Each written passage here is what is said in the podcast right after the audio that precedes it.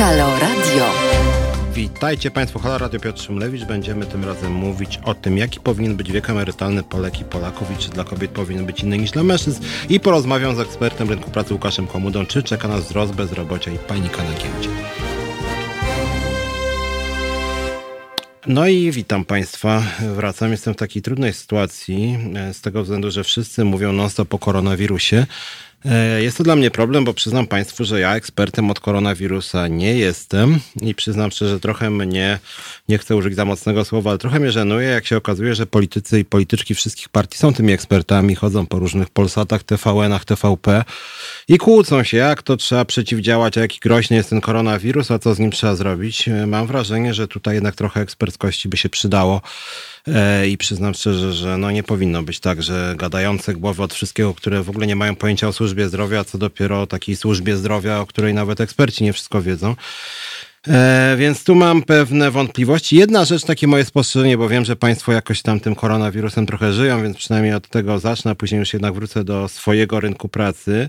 Mam wrażenie, że w Polsce jest chyba taki problem i to nas negatywnie wyróżnia na tle innych krajów, nawet naszych czeskich sąsiadów i sąsiadek że sąsiedzi czescy kupili 100 tysięcy próbek do zrobienia testów, gdzie wynik jest po pół godzinie i dlatego na przykład, jeżeli by takie testery były w Polsce, to myśmy byśmy prawdopodobnie nawet w Haloradio nie mieli takiego problemu z robieniem jakichś zebrań czy spotkań, bo po prostu mielibyśmy y, pół godziny wszyscy by się przebadali, jakby nikt nie miał koronawirusa, to moglibyśmy spokojnie rozmawiać. Natomiast w Polsce, no jak Państwo pewnie słyszeli, bo to akurat są doniesienia z różnych źródeł, zrobienie testu na koronawirusa jest problemem, tak?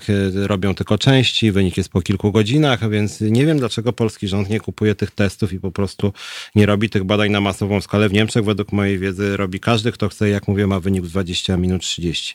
Więc to jest takie moje spostrzeżenie. No i drugie, yy, mówię to jako obywatel, no bardzo mnie dziwi konstrukcje pana ministra zdrowia i liderów kościoła katolickiego o tym, że wszystko należy zamykać i najlepiej, żeby ludzie w ogóle z domów nie wychodzili ale mszy niech będzie jak najwięcej, y, tylko żeby to wyglądało tak, żeby w tym kościele jednorazowo było nie za dużo ludzi, jak to kombinował jeden z biskupów.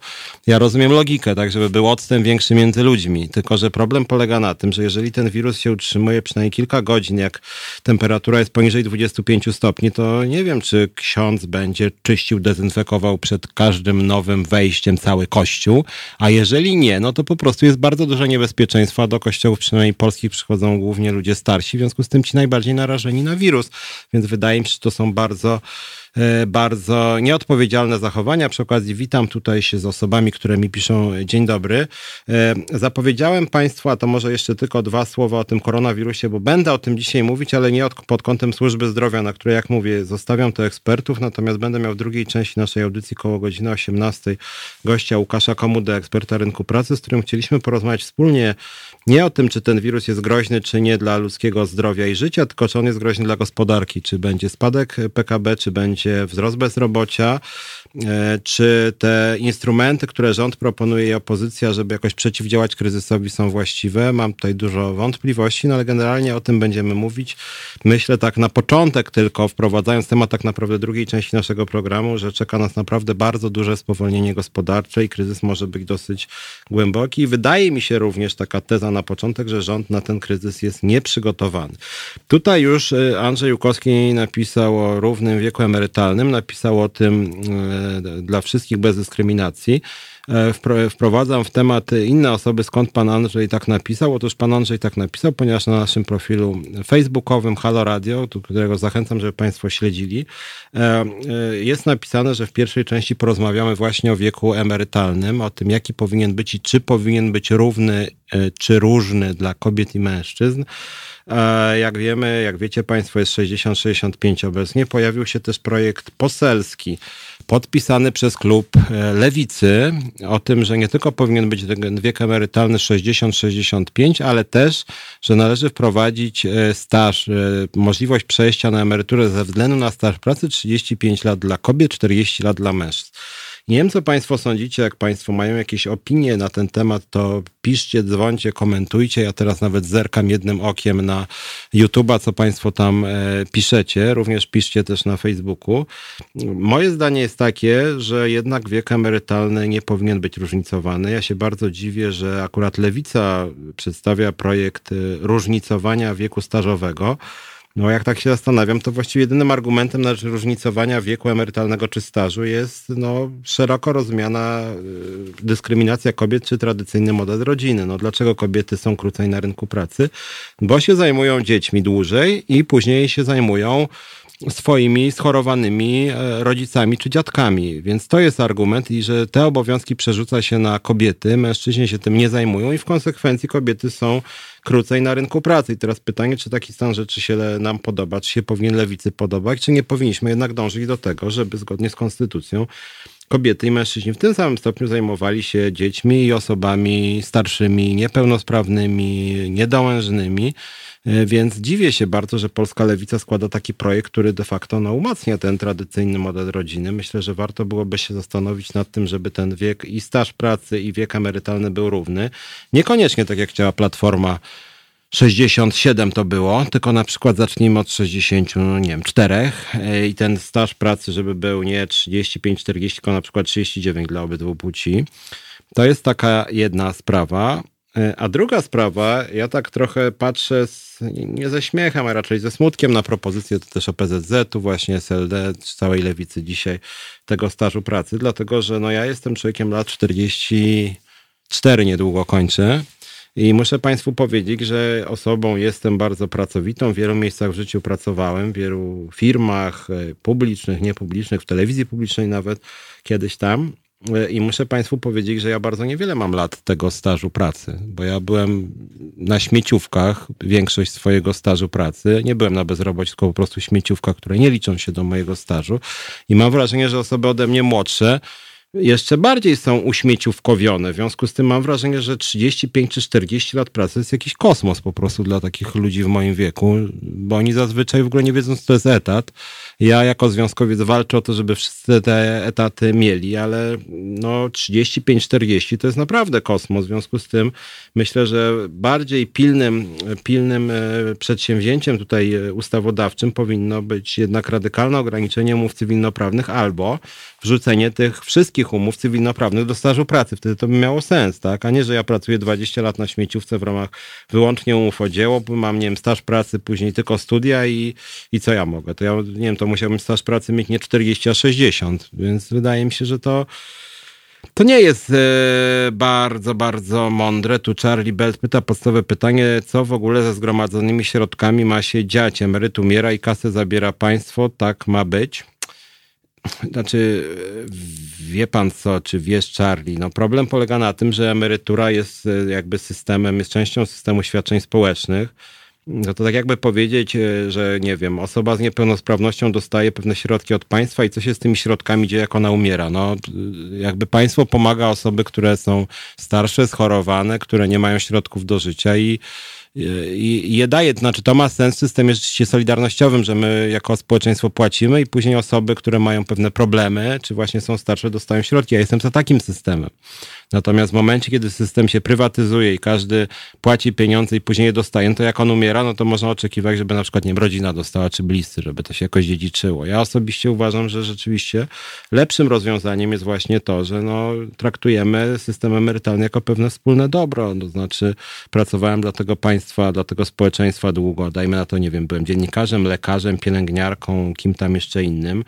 E, e, przepracowałem 30 czy 40 lat i później dostaję godną emeryturę. No więc nie pytam o to, że później państwo zabiera czy nie zabiera, tylko po prostu cały okres życia po przekroczeniu pewnego wieku czy stażu pracy, proszę bardzo, dostaje jakieś środki. Tylko moja wątpliwość e, polega na tym, czy rzeczywiście powinno być tak, że kobiety i mężczyźni mieliby mieć różny staż pracy czy wiek. Bo na przykład równie dobrze można powiedzieć, to może nie wiem, geje i lesbijki e, inne, albo osoby czarnoskóre inny wiek emerytalny, albo osoby niskie czy wysokie. No konstytucja nie różnicuje nas ze względu na płeć, orientację seksualną, pochodzenie. Wszyscy jesteśmy równi. To jest bardzo mocno napisane. Nie jest też moim zdaniem prawdą, co niektórzy mówią, że niższy wiek emerytalny kobiet jest przywilejem kobiet, wyrównawczym. No jeżeli to ma być przywilej, w wyniku którego kobiety mają o 1100 obecnie emeryturę niższą niż mężczyźni średnią, no to taki średni przywilej. Gdyby jeszcze kobiety miały równą emeryturę mężczyznom, no to jeszcze byłby przywilej, a jeżeli kobiety 5 lat krócej mniej więcej pracują, a później mają emeryturę głodową, a mężczyźni jednak trochę wyższą, czy nawet sporo wyższą, no to ja uważam, że jednak coś tutaj jest nie tak. Zrobimy krótką przerwę i zaraz wrócimy do tematu. Wake me up before you go, go.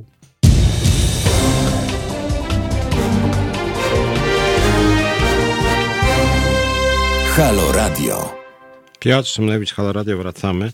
Tak jak Państwu mówiłem w pierwszej części, nie jestem ekspertem od koronawirusa. Chciałbym o nim mówić mało, a trochę o nim powiem, ale w kontekście kryzysu gospodarczego, tego czego możemy się bać odnośnie rynku pracy, odnośnie polityki społecznej, odnośnie no, warunków naszego życia y, w wymiarze społeczno-gospodarczym. Mm, myślę, że tutaj mogą się dziać różne rzeczy. Dziwi mnie też trochę to, szczerze powiedziawszy, że jest aż taka panika na punkcie koronawirusa, bo oczywiście to jest poważna sprawa i konsekwencje są dla życia społecznego duże i trudno się dziwić, ale jak przyjrzymy się, jakie są ofiary y, na innych obszarach życia, no to jest tych ofiar dużo więcej. Na przykład codziennie w Polsce giną ludzie w wypadkach samochodowych, ginie ich bardzo dużo i jesteśmy jednym z liderów Unii Europejskiej. I właściwie, jeżeli chcielibyśmy zadbać o ludzkie życie i zdrowie, to moglibyśmy robić na przykład dni w których by się zakazywało podróżowania samochodami. Mogła być wtedy retoryka słuszna skądinąd, że proszę Państwa, to może prosimy nie jeździć samochodami, żeby nie ginęli ludzie, bo ludzkie życie i zdrowie jest najważniejsze, jak słyszymy teraz od polityków wszystkich partii.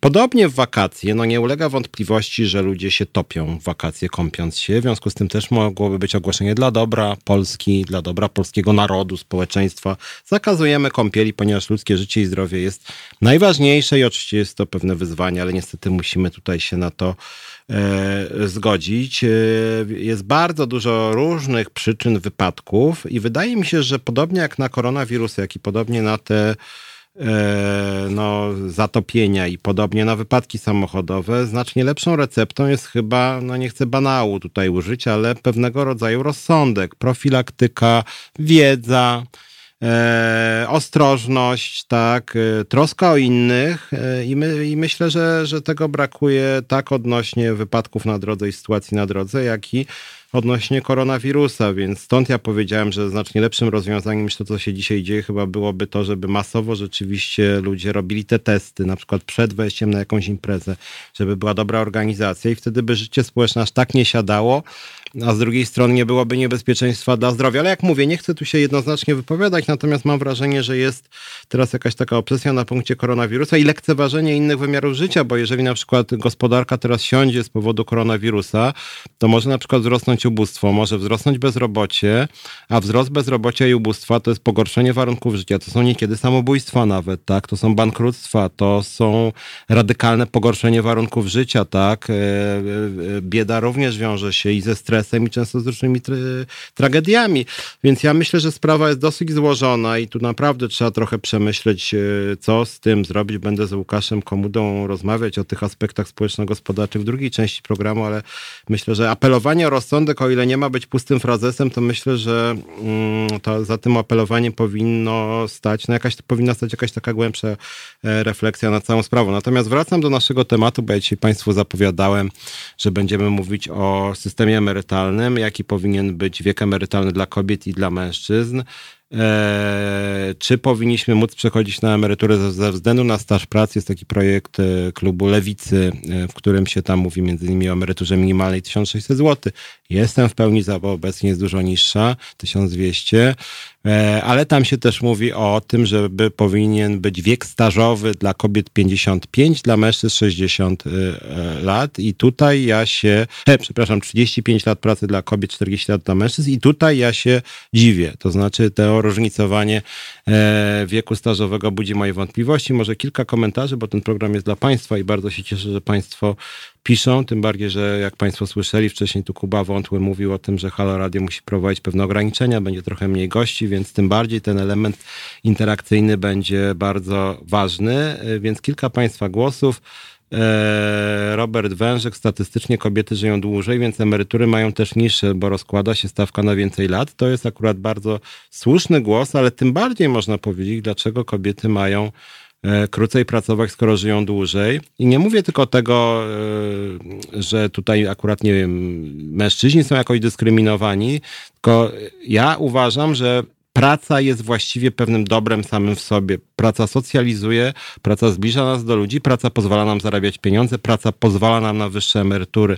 Więc to, że kobiety pracują krócej, a, a żyją dłużej, sprawia, że bardzo często właśnie kobiety wypadają z relacji społecznych, są e, bardzo silnie uzależnione od mężczyzn, którzy mają wcześniej wyższe pensje, a później też wyższe emerytury.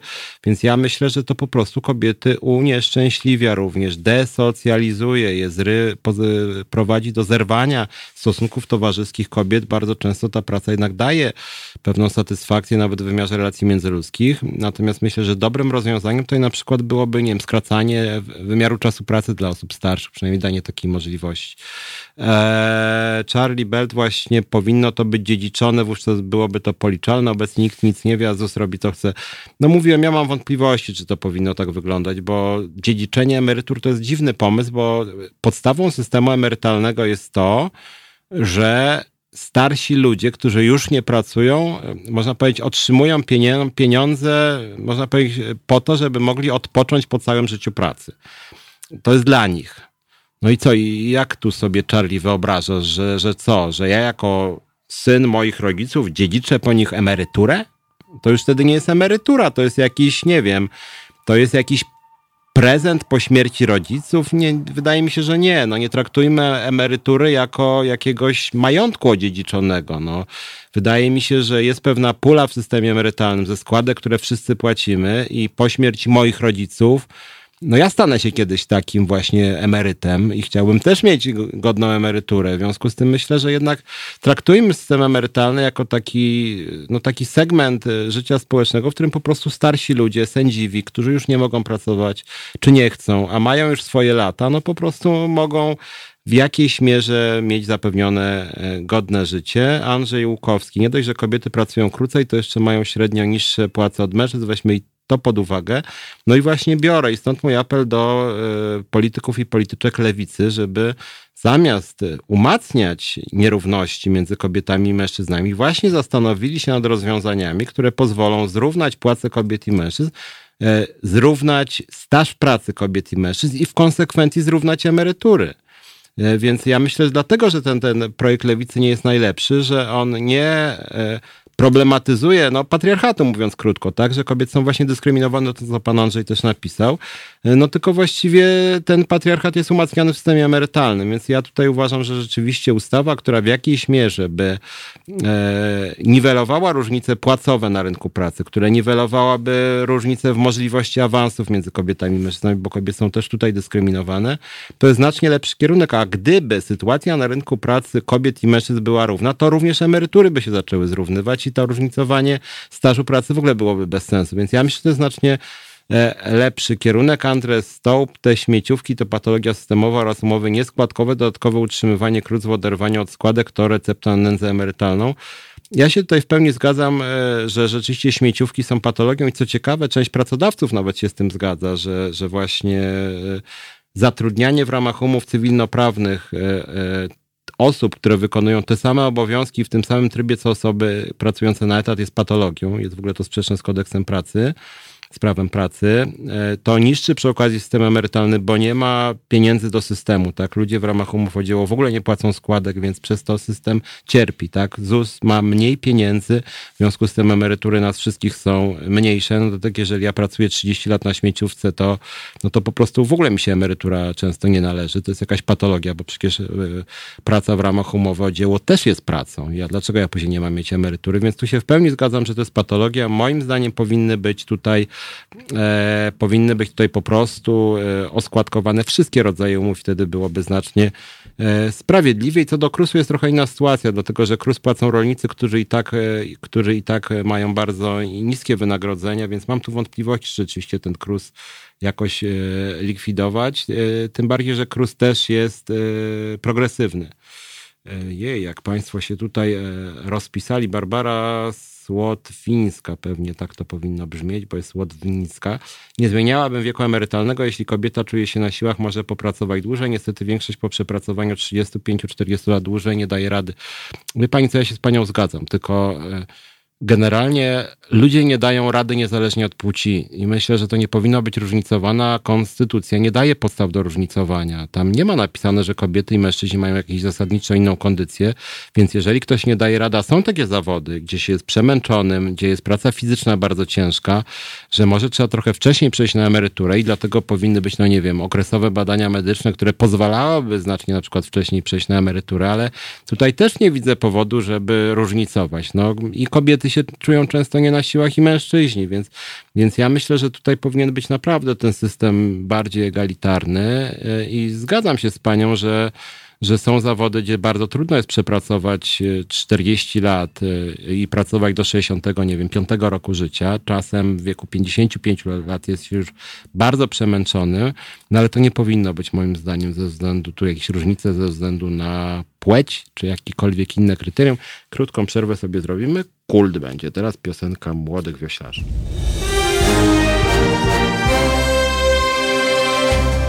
Halo Radio. Gadamy i trochę gramy.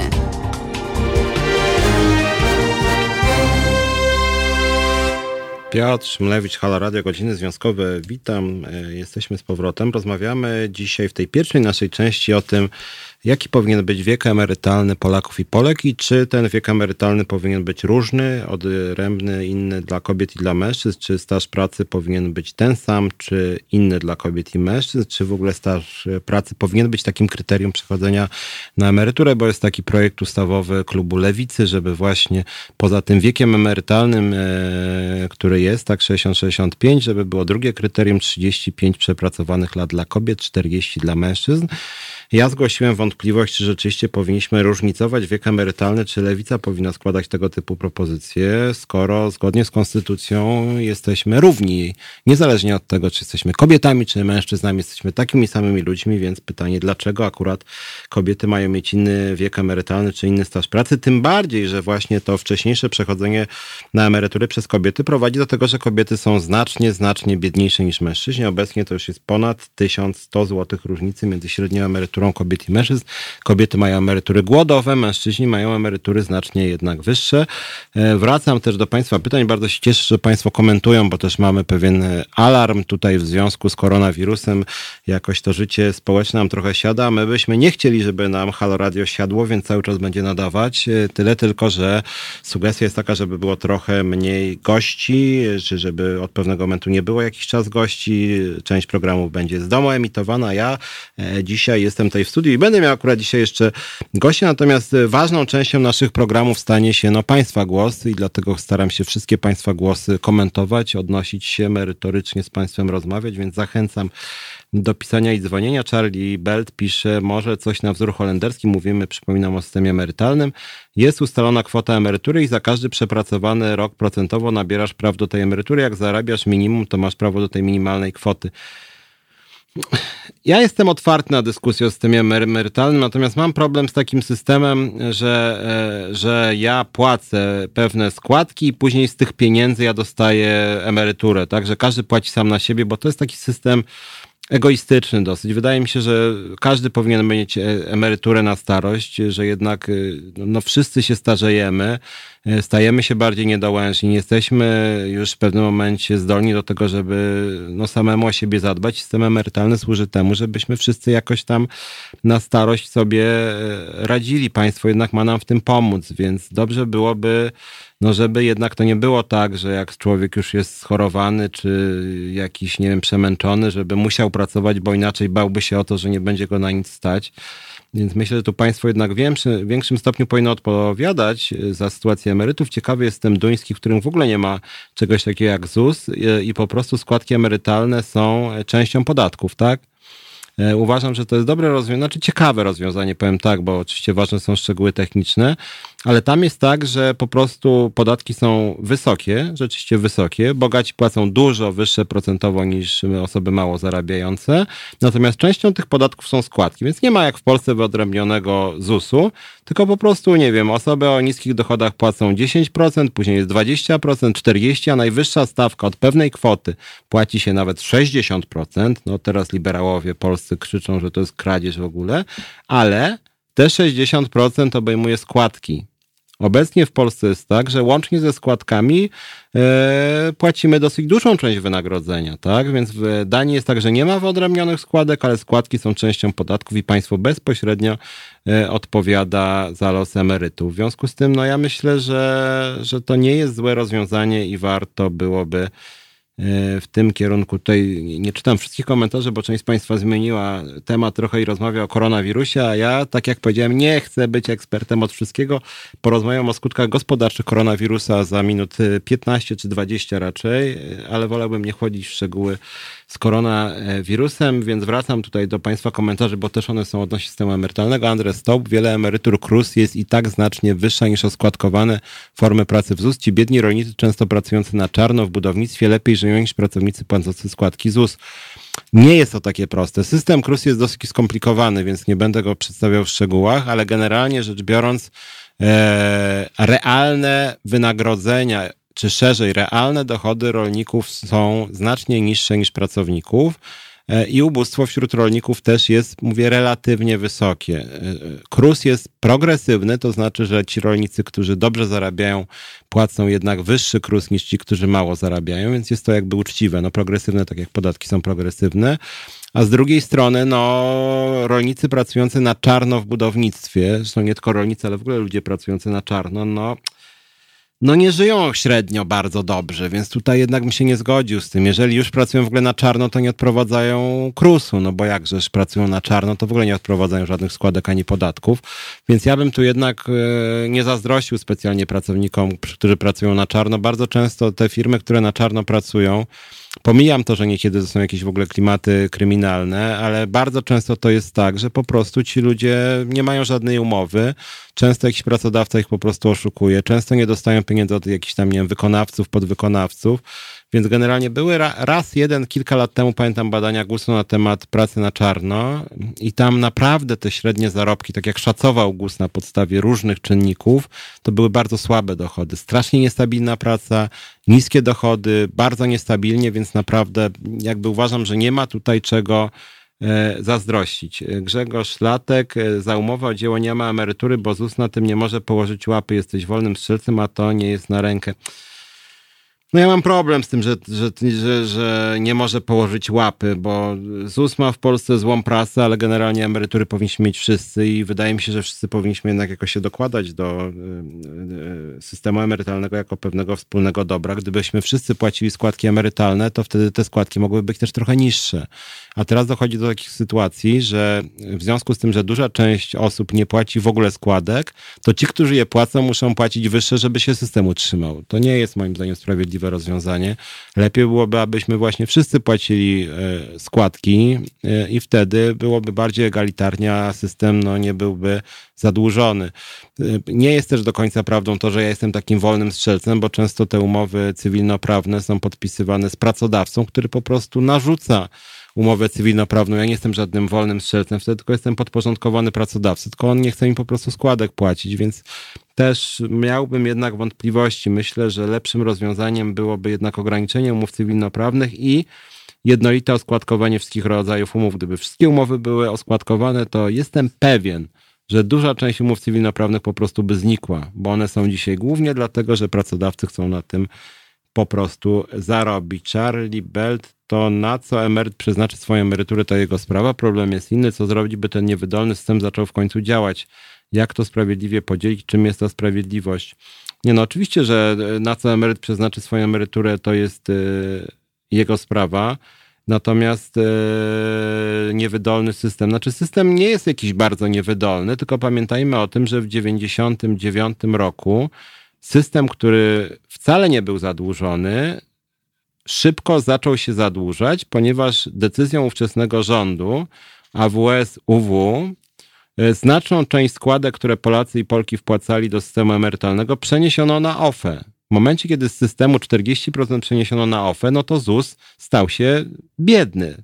Znaczy pojawiły się deficyty. Mniej, mniej składek wpływało decyzją władz centralnych. To nie była wina ZUS-u, że politycy postanowili, że 40% wpłynie do czegoś tak dziwnego i mało wydajnego tak między nami jak OFE. Więc tutaj to nie jest wina e, ZUS-u czy jakiejś niewydajności systemu, tylko tego, że politycy taką, a nie inną decyzję podjęli. Andrzej Stop uważam, że brak jest w Polsce mądrego, redystrybucyjnego systemu wsparcia ludzi na emeryturze. Wiek emerytalny powinien być równy. No jak Państwo słyszą i widzą, ja się z tym głosem zgadzam. E, rzeczywiście uważam, że potrzebny jest mądry redystrybucyjny system, czyli taki, w którym osoby biedniejsze płacą niższe podatki, składki osoby bogatsze, lepiej zarabiające znacznie wyższe. Grzegorz Latek 30% zabierze podatek dochodowy, ZUS to złodzieje. Przyglądałem się przez kilka lat, e, porównywałem wydajność e, Zakładu Ubezpieczeń Społecznych to znaczy, jaki procent y, pieniędzy, którymi obraca ZUS, y, y, jaki, jaki procent to są koszty obsługi? Jakby pan porównał te koszty obsługi ZUS-u do kosztów obsługi jakichkolwiek prywatnych ubezpieczycieli, to nawet jeżeli ZUS ma swoje wady, bo ma oczywiście, to koszty obsługi ZUS są o wiele, wiele niższe niż koszty obsługi prywatnych ubezpieczycieli. Robert Wężek, no ale tym się różni państwo obywatelskie od wolnej Amerykanci. Ludzie rozumieją, że chcą coś mieć, trzeba za to zapłacić, a my wiecznie kombinujemy, jak mieć, nie płacąc.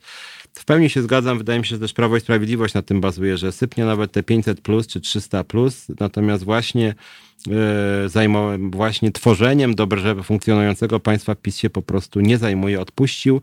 E, Jacek Orlik, czyli w Danii jest zróżnicowanie i podział ludzi na bogatych i bogatych inaczej musi być podział, bo inaczej tchnie komuną. Nie, nie wiem, czy bogatych i bogatych inaczej. Po prostu jest jednolity system progresywny.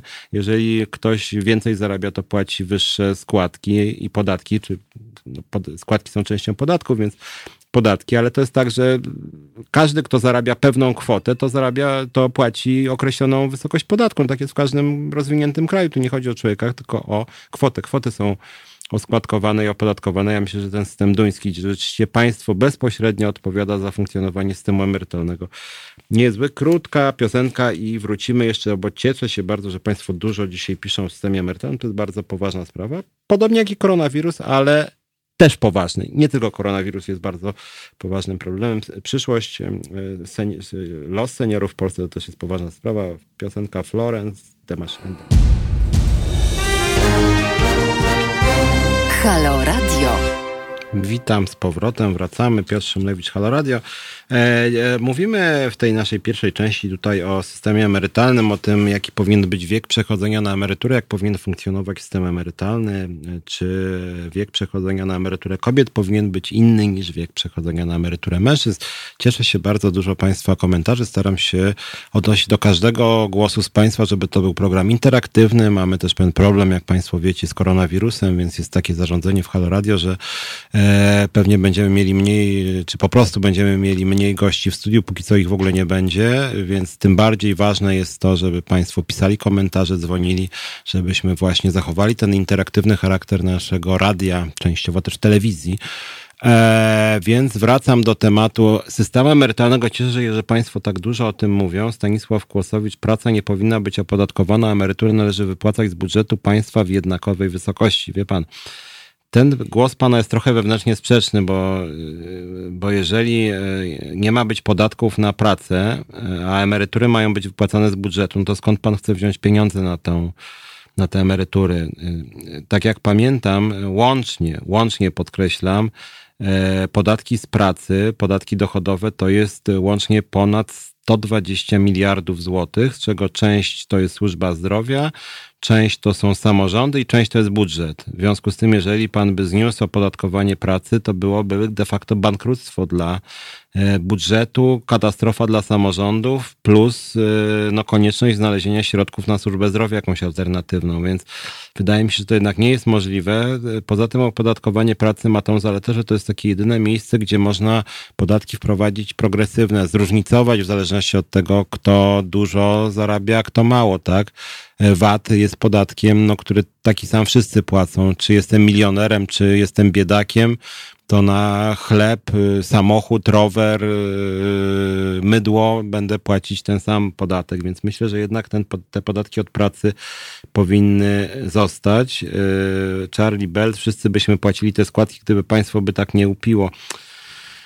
No ale znowuż to jest wewnętrznie trochę sprzeczny głos, no bo co? To znaczy, że jeżeli państwo było obniżyło składki i podatki, to będziemy płacić składki i podatki. No niby tak, ale z drugiej strony, jak e, śledzę porównawcze dane dotyczące właśnie wysokości składek i podatków, to ciekawe, że w Polsce praw wcale te podatki i składki nie są wysokie na tle Unii Europejskiej, a podatki dochodowe wręcz należą do najniższych w Unii Europejskiej, więc ja myślę, że system powinien być bardziej uniwersalny, to co mówiłem w pierwszej tutaj ze 20 minut temu.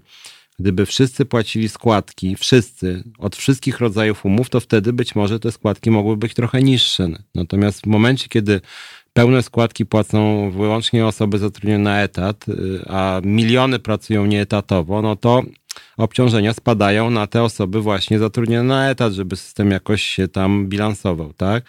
Leszek Z, równe składki, emerytury, wiek. Zależy oczywiście, co pan ma na myśli, bo generalnie zasada równości jest mi bliska, aczkolwiek uważam, że rzeczywiście składki powinny jednak być też progresywne, czyli jeżeli ktoś zarabia 100 e, tysięcy miesięcznie, a ktoś zarabia 2,5 tysiąca miesięcznie, no to uważam, że do tego systemu wspólnego, systemu emerytalnego osoby, które lepiej zarabiają, powinny płacić składki wyższe. Jeszcze Robert Wężek na ten sam temat, co przed chwilą mówiłem, gdyby składki były niższe, wreszcie ludzie by wyszli z szarej strefy to też tak nie działa, bo y, są dane porównawcze dotyczące szarej strefy i najniższa szara strefa jest w krajach skandynawskich, a tak się akurat dziwnie składa, że kraje skandynawskie mają najwyższe składki i podatki w Unii Europejskiej, prawie najwyższe na świecie. A mimo to szara strefa jest bardzo mała. Z drugiej strony y, na Ukrainie czy w Rosji podatki są niskie, a szara strefa jest bardzo duża, na przykład na Ukrainie. Wprowadzono w pewnym momencie podatek liniowy i na Ukrainie i w Rosji, o ile pamiętam, w Rumunii, w Bułgarii też, z krajów Unii. Bardzo niskie podatki i szara strefa kwitnie, więc to nie jest do końca tak, że jeżeli wprowadzimy niskie składki i podatki, to ludzie wyjdą z szarej strefy, bo jeżeli ktoś chce oszukiwać, to nawet jeżeli łącznie by płacił składek i podatków 10% e, kwoty brutto, to i tak wolałby te 10% mieć do kieszeni, więc to jest kwestia i mechanizmów, i uczciwości pewnej, i siły państwa, która sprawdza, kto płaci, a nie płaci podatki, więc wydaje mi się, że to jest e, ważne. Alicja Mijas, proszę poruszyć sprawę PEFRON, który blokuje pracodawców do ilości etatów. Znaczy sprawa PEFRON, rozmawiałem tutaj w pewnym momencie z Piotrem Figlem, który mówił o tym, jak funkcjonuje PEFRON, jak te dopłaty do osób z niepełnosprawnościami wyglądają. To jest temat rzeka i chętnie bym porozmawiał e, e, jeszcze raz. Myślę, że w najbliższych tygodniach będziemy o tym mówić. Generalnie jest bardzo dużo e, patologii, nie wiem co pani ma na myśli mówiąc o blokadzie pracodawców, bo pracodawcy często, no można powiedzieć na Pefronie żerują, biorą środki od Pefronu i sami wydają stosunkowo mało pieniędzy. Bardzo wielu pracowników na przykład jest w ochronie, tak, z dopłatą Pefronu. Więc tu też jest, jest jakaś nieprawidłowość, ale moim zdaniem nie jest wcale łatwo tutaj ten problem e, rozwiązać. Jacek Orlik ofedowało większy przyrost kapitału niż ZUS. E, znaczy, szczerze powiedziawszy, nie wiem kiedy, bo tak jak śledziłem, to generalnie suma summarum po 10-15 latach, o ile pamiętam, ZUS funkcjonował lepiej. Dzisiaj również ZUS ma lepsze wyniki e, niż te fundusze prywatne. Natomiast problem z OFE nie był taki, że OFE dawało cały czas straty i w ogóle było fatalne, tylko problem z OFE był taki, że OFE było bardzo niestabilne i w 2008 roku, kiedy był kryzys gospodarczy, nagle OFE poleciało na łeb na szyję. O, o ile pamiętam, to było ponad 30%, czyli jednorazowo 30% nasze emerytury, tę część OFOSKA spadły. Więc jeżeli teraz mamy katastrofę e, z koronawirusem, katastrofę, ja teraz mówię społeczno-gospodarczą, do czego tutaj zaraz wrócimy, no to ja się boję, że gdybyśmy nasze emerytury uzależniali od tego sektora e, prywatnego, właśnie od OFE, no to e, obawiam się, że mógłby być problem bo OFE jest po prostu podobnie jak IKE, indywidualne konta emerytalne, bardzo niestabilne, więc mam wątpliwość, czy to jest rzeczywiście dobry pomysł, żeby się opierać na OFE, który naprawdę jest niestabilny i w dużej mierze niezależny od państwa. Zresztą te, te fundusze, które teraz pan premier Morawiecki e, promuje i państwo ma do nich dopłacać, te PPK, no to jest jeszcze bardziej prywatne. Więc e, w sytuacji kryzysu to może być po prostu katastrofa. Te firmy, które prowadzą te PPK mogą upaść, fundusze mogą radykalnie spaść, więc naprawdę ja uważam, że warto jednak uważać. O Jezu, ile Państwo napisali tych komentarzy. Ja staram się być bardzo, bardzo odpowiadać każdemu na Państwa te uwagi. E, Charlie Belt kombinujemy, jakby to mniej zapłacić, bo nas więcej upią. Może czas na przejrzyste zasady i stawki. W pełni się zgadzam z przejrzystymi zasadami i stawkami. Może czas rozluźnić podatki. Większość naszych zarobków idzie na podatki, może coś zmienić. Nie idzie większość zarobków na podatki. Myślę, że system powinien być bardziej przejrzysty. Być może osoby o niskich dochodach powinny płacić niższe trochę podatki, natomiast osoby o wysokich dochodach płacą w Polsce podatki naprawdę niskie. Osoby, które zarabiają setki tysięcy złotych w spółkach Skarbu Państwa, w korporacjach dużych, no generalnie łączna kwota ich opodatkowania jest znacznie niższa niż by zapłacili w krajach e, zachodnich. E, to państwo nie rozumie, że żyje dzięki Kowalskiemu i Nowakowi, zamiast go wspierać, przestać łupić, to cisną o kasy. Ja myślę, że powinny być wyższe pensje brutto. Nie powinien pan tak się skupiać o, tym, o, tej, o tych podatkach, które naprawdę w Polsce nie są wysokie. Zgadza się ze mną, widzę chyba Grzegorz Latek. Masz, skąd masz te, temu masz ten wysoki próg z podatku dochodowego? Jak rozumiem, że pan sugeruje, że nie jest wysoki. Moim zdaniem nie jest wysoki górny próg 32%, w większości krajów Unii to jest 40-50%. E, później jeszcze raz Charlie Belt pisze właśnie o tych obniżce podatków. Mam wątpliwości, że zadziała i nie wiązałbym tu z tego z 500 plus. Kasa poszła na rynek, wróciła w postaci podatków. No nie do końca, bo inwestycje w Polsce na przykład obecnie leżą. W wielu branżach płace są bardzo niskie, począwszy od służby zdrowia czy szkolnictwa, więc nie wiem, czy rzeczywiście 500 plus to jest taki pozytywny przykład y, dobrej polityki państwa, czy to się jakoś tam rzeczywiście e, bilansuje. Za chwileczkę robimy przerwę, więc tylko tak szybko jeszcze patrzę, co Państwo piszą. Andrzej Stołp. System emerytalny był w Polsce niszczony przez polityków wszystkich opcji, ale obecna władza markująca reformy prowadzi nas przepaść, która dotknie zarówno emerytów, jak i pracujących. No generalnie się trochę z tym rzeczywiście zgadzam. Uważam, że bardzo szkodliwe jest też to i tu paradoksalnie zgadzam się z częścią pracodawców. System powinien być stabilny, przewidywalny, a PiS potwornie, potwornie szarpie. Tak naprawdę nie wiadomo, nie wiemy jaka będzie, jest przyszłość systemu emerytalnego i to nie jest dobrze. Jeszcze Krystyna Jakubiec Nowy Wątek wprowadza WOŚP z dobrowolnym podatkiem na rzecz Państwowej Służby Zdrowia. Jest to najlepszy przykład, że Polacy chcą płacić podatki, ale dobrowolnie chcą, aby były uczciwie rozliczane. Wie Pani co, przy całym szacunku dla WOŚP-u, no dobrowolność podatków to nie jest najlepszy pomysł i tego nie ma w żadnym kraju świata. Jakby podatki były dobrowolne, to by państwo w ogóle nie działało, jakby każdy płacił jak chce. Ja pani przypomnę tylko, że no, WOŚP jest bardzo dużą imprezą i ma bardzo dużą reklamę, a to, co zbieramy co roku na WOŚP, to jest naprawdę mikro ułamek tego, co jest e, w NFZ. Mikro. To jest symboliczna kwota, która dla systemu nie ma absolutnie żadnego znaczenia. Jest to bardziej pewien zryw obywatelski pokazujący, że ludzie angażują się w projekt Jurka Owsiaka, więc ja bym jednak nie przeciwstawiał państwa Wośpowi, bo no nie jest to dobra ścieżka naprawdę nie powinniśmy uzależniać e, funkcjonowania państwa od jakichś dobrowolnych wpłat. E, krótka przerwa, za chwileczkę wracamy i będziemy mówić, no być może trochę o tym koronawirusie nareszcie, ale tak jak mówiłem, w kontekście polityki społeczno-gospodarczej.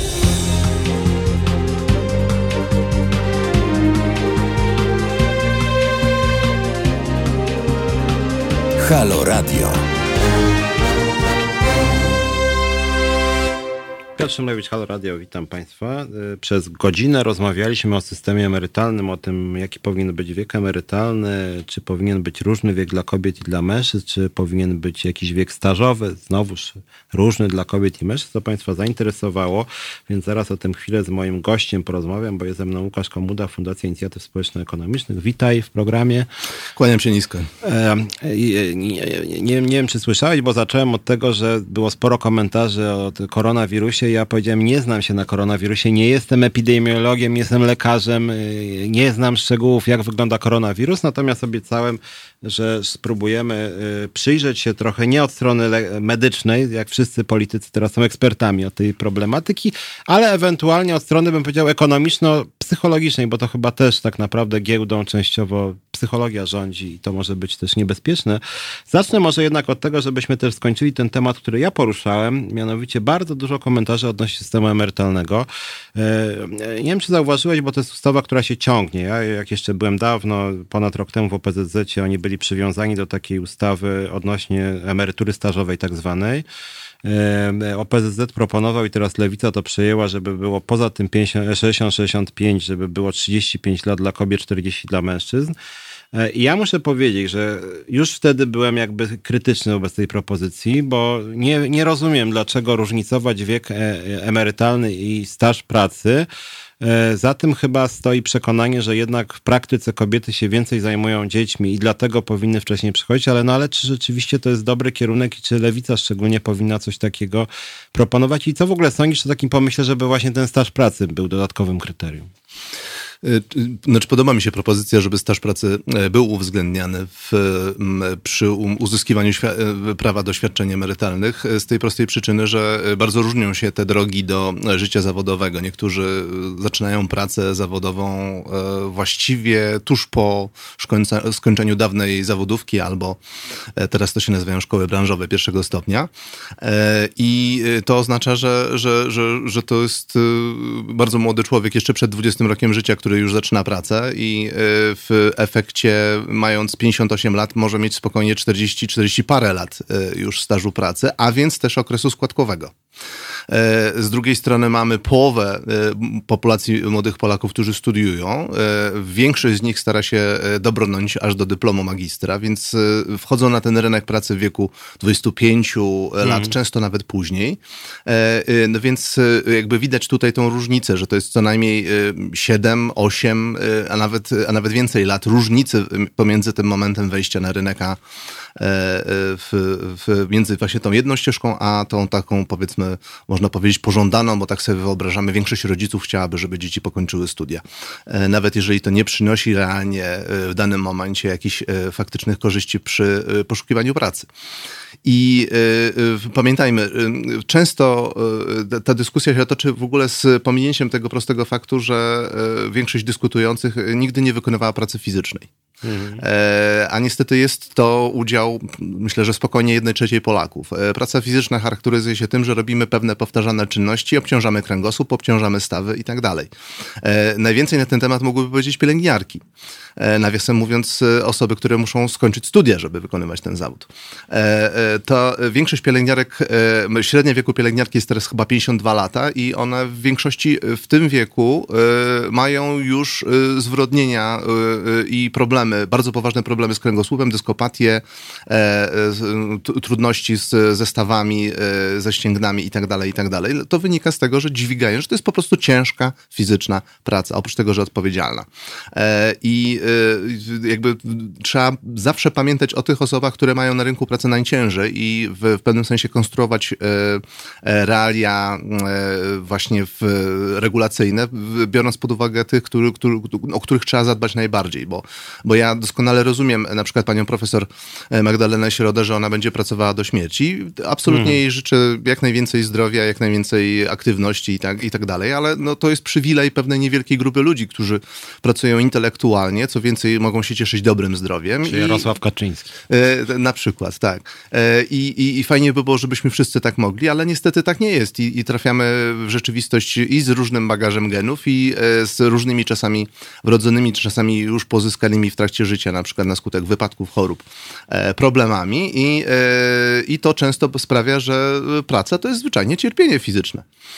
Więc, więc jeżeli nie chcemy multiplikować liczby osób, które będą uzyskiwały renty z tytułu niezdolności do pracy, tylko chcielibyśmy, żeby ludzie pracowali, to uwzględnimy też w, pewnym, w pewnych rozważaniach dotyczących tego kształtu docelowego, mam nadzieję, e, e, do jakiego dążymy, kształtu systemu emerytalnego, e, właśnie myśląc o tych osobach, które wykonują pracę fizyczną mhm. i zwyczajnie pod koniec życia zawodowego odliczają jak, jak więźniowie, po prostu kreski stawiają do, do tych kolejnych, te kolejne dni upływające do uzyskania świadczenia emerytalnego. Ale tutaj raczej jednak kryterium powinien być powiedzmy branża, tudzież czas, czasem jednostkowy przypadek, a nie płeć. Ja mam wątpliwości mhm. wobec tego kryterium płciowego, bo mam wrażenie, że jednak tutaj lewica trochę dała się zasondażować, no, trochę opinii publicznej, bo oczywiście Polacy zawsze byli przeciwko jakiemukolwiek podnoszeniu wieku emerytalnego, a trochę też PiSowi, tak, że jak już jest to 60-65, to teraz będzie z logiki systemu wynika, że ma być też staż pracy różny dla kobiet i mężczyzn. Natomiast co do zasady, jest to trochę jeszcze Biedroń, ten nowoczesny, prawda, który w ogóle nie różnicuje nikogo, różnicuje nagle kobiety i mężczyzn. Więc tu jednak mam pewne wątpliwości. I druga ja jest... również, ja również też powiem, powiem to, że wo, wo, znaczy, chciałbym, żeby, chciałbym, żeby tego typu zmiany, jak zrównywanie wieku emerytalnego, e, e, zarówno jeśli chodzi o liczbę lat, e, które uprawniają do tego, żeby za, zacząć przejść na emeryturę, jak i w przypadku wprowadzenia emerytury stażowej, żeby ten staż był odpowiedni. Wolałbym, żeby to wiązać z całą zmianą regulacyjną, która by wspierała kobiety, plus zmianą systemową, czyli większą dostępnością do przedszkoli i żłobków, większym wsparciem dla kobiet samotnych wychowujących dzieci, po to, żeby faktycznie to nie było mm, wyrównywanie szans y, i, i możliwości y, i obowiązków przy faktycznym, realnym, zwiększonym obciążeniu kobiet e, obowiązkami domowymi. Mhm. E, jeżeli po, połączymy takie dwie, dwa elementy, myślę, że, że taka polityka mogłaby e, przynajmniej częściowo zdobyć poparcie opinii publicznej, bo generalnie niezależnie od kraju, to nie jest jakby polska specyfika. No, jeżeli mamy uprawnienia w wieku 65 lat, to zawsze będziemy przeciwni temu, żeby to zwiększać, niezależnie od okoliczności. Po prostu chcemy mieć więcej możliwości. Nie wszyscy przecież przechodzą mhm. na emeryturę, no tak. osiągając wiek emerytalny. Jeżeli ktoś prowadzi życie zawodowe, jest aktywny, to często nawet o tym specjalnie nie myśli.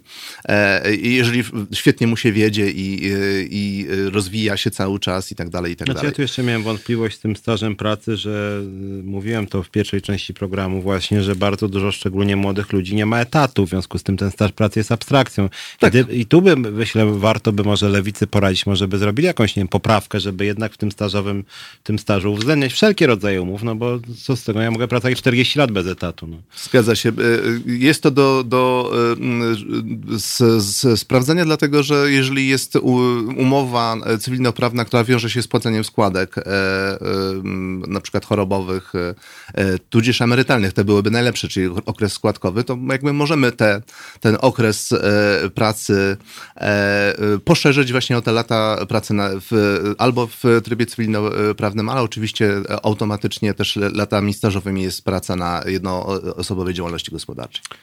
E, przez jakiś czas tak zwlekałem z tym koronawirusem, do którego mieliśmy jednak przejść. Tu może jako początek naszej dyskusji o tym, czy grozi nas kryzys, widzę komentarz sprzed paru minut zresztą, bo słuchałem ciebie, dlatego nie czytałem tak naszych czytelników, e, bo tutaj jeden z naszych, nawet nie jestem w stanie odczytać, bo nie wiem po jakiemu jest jego imię, czy nie wiem jak to nazwać, AYOQ się nazywa pan czy pani, ten ktoś. Eee, mnie zastanawia, czy nie jest tak, że jak teraz nawet przyjdzie ktoś rozsądny do władzy, to trzeba będzie zaciskać pasa, bo gospodarkę zostawi obecna władza w takim stanie. Eee, znaczy, wydaje mi się, że niezależnie od oceny polityki społeczno-gospodarczej PiSu, y, można dyskutować, czy to, że teraz pewnie będzie jakieś tam tąpnięcie, czy to jest wina PiSu. No koronawirus nie jest jednak raczej. Nie jest winą PiSu. Spowolnienie gospodarcze globalne też nie jest winą PiSu ani koronawirusa, e, bo obserwowaliśmy je już od dłuższego czasu. Jeżeli popatrzymy na statystyki gusowskie, choćby e, dotyczące tworzenia nowych miejsc pracy, czy wolnych miejsc pracy, to ten spadek e, i wolnych miejsc pracy, i nowo tworzonych miejsc pracy w Polsce, to już obserwujemy od od y, drugiej połowy 2017 roku, więc y, to nie jest y, jakiś grom z jasnego nieba, który nas teraz spada, że, że gospodarka spowalnia. Do tej, do tej pory tego nie odczuwaliśmy, bo był cały czas duży niezaspokojony popyt pracodawców na, na, na pracę, szczególnie w zawodach nisko opłacanych, więc nie dostrzegaliśmy wzrostu liczby bezrobotnych. Bezrobocie cały czas nam spada, mimo że pojawiają się komentarze, że bezrobocie zaczyna nam rosnąć, ale patrząc rok do roku, mhm. stopa bezrobocia rejestrowanego E, jest 5,5, była 5,5 w styczniu, e, a rok temu była e, o 0,6 punkta procentowego, punkt procentowego wyższa, więc cały czas mamy, jest, jesteśmy jeszcze taką trochę siłą dryfu, jeszcze wędrujemy w, w, stronę obniżenia de facto Chociaż, bezrobocia. Bo zanim przejdziemy do koronawirusa po przerwie, to jeszcze jeden chciałbym wątek teraz, bo tak jak patrzę na te dane, coś jednak się złego dzieje. To znaczy, są sygnały nie tyle o tym, że bezrobocie rośnie, bo no, no trochę wzrosło tam ostatnie trzy miesiące, ale troszeczkę tylko, jest cały czas niskie. No ale jednak czytam, że niedawne dane z wczoraj bodaj nawet Eurostatu o tym, że w czwartym kwartale 2019 roku na, na samym końcu znalazła się Polska y, ze spadkiem y, zatrudnienia o 0,4. Wszędzie prawie rosło, czyli porównawczo słabo bardzo. Ro, rocznie już dużo lepiej, ale y, kwartalnie słabo. Są takie dane różne przepowiadające, co się będzie działo na rynku pracy i też te nastroje konsumenckie też słabo. Inwestycje też słabo, jakby cały czas mówię o okresie tuż przed koronawirusem, mm -hmm. do którego zaraz przejdziemy, bo chodzi mi o to, że zanim... Bez korekty na panikę. Bez korekty na panikę, która jest odrębnym problemem, że być może jednak trochę ta polityka pisowska za coś tam odpowiedzialna jest, że coś się zaczyna robić nie tak. No przedsiębiorcy od, właściwie od momentu, kiedy PiS przejął władzę, sygnalizowali, że bardzo wyraźnie widać we wskaźnikach spadek na przykład inwestycji że duża niepewność związana ze, z, właśnie takim poważnym, taką poważną zmianą e, w, w, formacji, która jest u władzy, która ma zupełnie inną wizję, która mówi o nacjonalizacji, która mówi o, e, o tym, żeby wzmacniać e, polsk, polski przemysł i tak dalej, i tak dalej, to spowodowało większą niepewność inwestorów. I, i jakkolwiek w 2018 roku i 2019 roku te inwestycje nam trochę rosły, to były kilkuprocentowe wzrosty, to, to tąpnięcie chyba jest cały czas, nie, nie nadrobiliśmy tego, tej straty, która się pojawiła już, y, już po wyborach w 2015 roku. Więc, y, więc y, tutaj na pewno w dłuższym okresie będziemy obserwować skutki tego, że te inwestycje e, spadły. E, jakie to są inwestycje, e, to też, to też trzeba byłoby się dokładnie wczytać, na ile to są inwestycje kapitałowe, na ile to są inwestycje typu Greenfield czy Brownfield, czyli gdzie kupowane są fabryki, które już działają, albo stawiane mm. są nowe hale fabryczne i wyposażane, więc y, trzeba byłoby y, sporo szczegółów tutaj, żeby zacząć y, to analizować i faktycznie czego się możemy spodziewać. Niestety tak jest w gospodarce, że bardzo wiele rzeczy znajduje efekt dopiero po kilku latach, często po zmianie władzy. Bardzo często jest tak, że, jedna, że dana władza, nazwijmy to w cudzysłowie, miesza w gospodarce i dopiero potem następcy muszą to, to piwo wypić. E, albo na odwrót. E, jedna władza dba o to, żeby gospodarka się rozwijała, a potem następcy spijają tą śmietanę, która e, powstała na skutek tego, że ta polityka była rozsądna i, i sprzyjała temu, żeby powstawała liczba miejsc pracy, rosło PKB i tak dalej.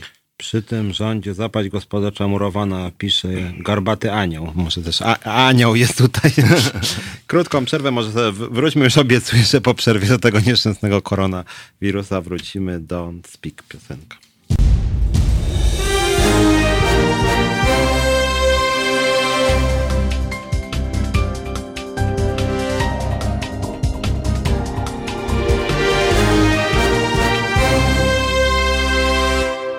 Wracamy. Piotr Szymlewicz, jest ze mną Łukasz Komuda, Fundacja Inicjatyw Społeczno-Ekonomicznych. Witaj ponownie.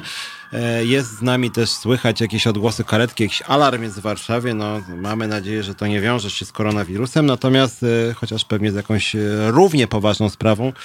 Mówiłem właśnie przed przerwą o tym tutaj no już z pół godziny temu, że mamy naprawdę bardzo dużo poważnych spraw, którymi polskie państwo się specjalnie nie przejmuje różnego rodzaju. Nawet wypadki w pracy, z tego co pamiętam, ostatnio ofiar było około 200, tak co mm. roku umiera w pracy w Polsce. Mniej więcej, tak, tak.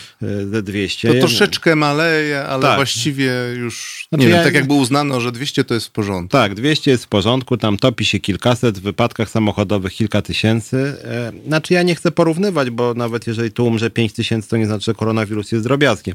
No ale generalnie rzecz biorąc, nawet w mediach mamy 24 godziny na dobę relacje z tego, co się dzieje, natomiast jak chodzi o inne tragedie, które są również straszne i życie ludzkie, no tak samo się traci w wypadku samochodowym, jak i przez koronawirus. Jakoś nie słyszę, tak jak mówiłem, na przykład y, zakaz jazdy samochodem dla dobra polskiego narodu. No, na pewno byłoby mniej wypadków, nie ulega wątpliwości.